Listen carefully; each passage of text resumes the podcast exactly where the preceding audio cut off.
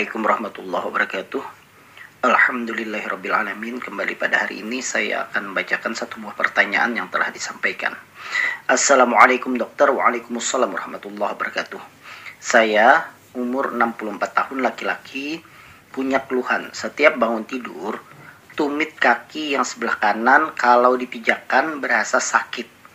Barusan saja sekitar kurang lebih dua harian Pertanyaan saya, apakah penyebabnya dan obat apa yang harus diminum? Terima kasih dokter. Dari Bapak Seno Wahyudi. Baik, eh, terima kasih Bapak Seno Wahyudi atas pertanyaannya. Jadi memang eh, keluhan ini sering dirasakan terutama pada pasien-pasien usia di atas 50 atau di atas 60 tahun. Keluhan pada tumit eh, kemungkinan besar yang terjadi itu adalah karena adanya pertumbuhan tulang baru di daerah tulang tumit atau kita menyebutnya dengan tulang kalkalnius. Jadi di tumit itu ada tulang yang menopang untuk kita berdiri. Jadi kalau seandainya kita berdiri itu titik bebannya itu di tulang tumit, yaitu tulang kalkalnius namanya di kanan dan di kiri. Nah, tulang itu semakin lama dia akan terbentuk tulang yang baru atau dalam bahasa awamnya kita menyebutnya dengan pengapuran. Nah, pengapuran tersebut akhirnya menyebabkan jaringan sekitarnya di tulang tersebut menjadi trauma. Trauma itu artinya e, terkena tekanan dari pengapuran-pengapuran tersebut sehingga terjadi peradangan akhirnya nyeri. Dalam bahasa kedokterannya kita menyebutnya diagnosisnya adalah spurs calcaneus. Kenapa spurs calcaneus ini bisa terjadi? Yang pertama tentunya faktor usia. Jadi memang bisa terjadi pada usia muda tetapi sangat jarang. Yang sering terjadi itu adalah usia di atas 50 tahun ataupun usia di atas 60 tahun. Itu yang pertama. Kemudian yang kedua, spurus calcaneus ini terjadi pada orang yang biasa suka menggunakan sepatu hak tinggi.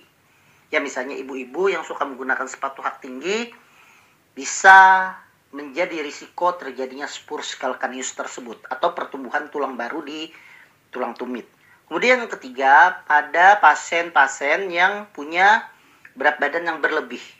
Jadi berat badan berlebih itu selain dia ya tidak baik untuk kesehatan, juga dia memberikan tekanan yang ekstra terhadap tumit sehingga yang terjadi adalah risiko terjadinya pembentukan tulang yang baru itu menjadi tinggi sehingga muncullah namanya spurus calcaneus. Nah khasnya jarang dia terjadi bareng kanan dan kiri ya mayoritas terjadinya itu hanya satu sisi saja, tetapi tidak menutup kemungkinan beberapa waktu kemudian juga muncul di sisi berikutnya. Dan nyerinya itu terjadi setelah bangun tidur. Pertama kali menjejakkan kaki ke lantai.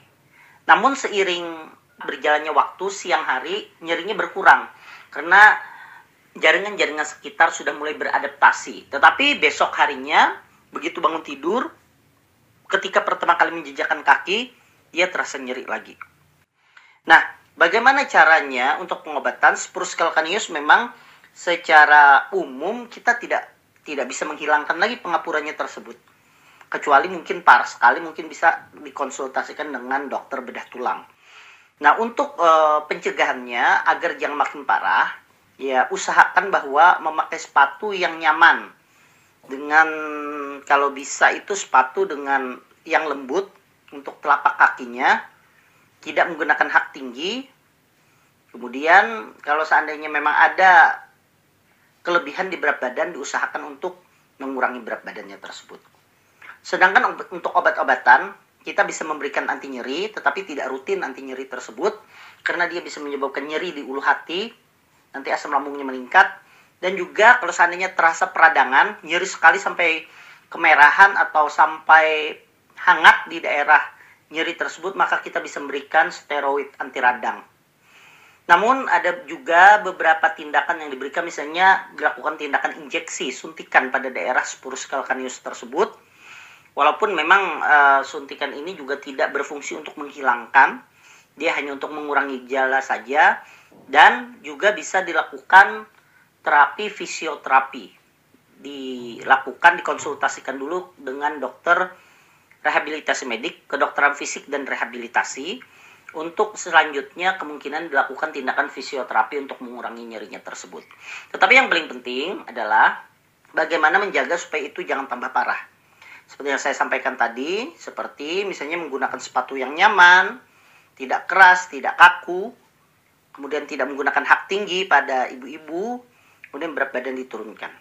Mungkin itu saja yang bisa saya sampaikan. Semoga ini bisa bermanfaat dan membantu terhadap keluhan dari Bapak Sena Wahyudi.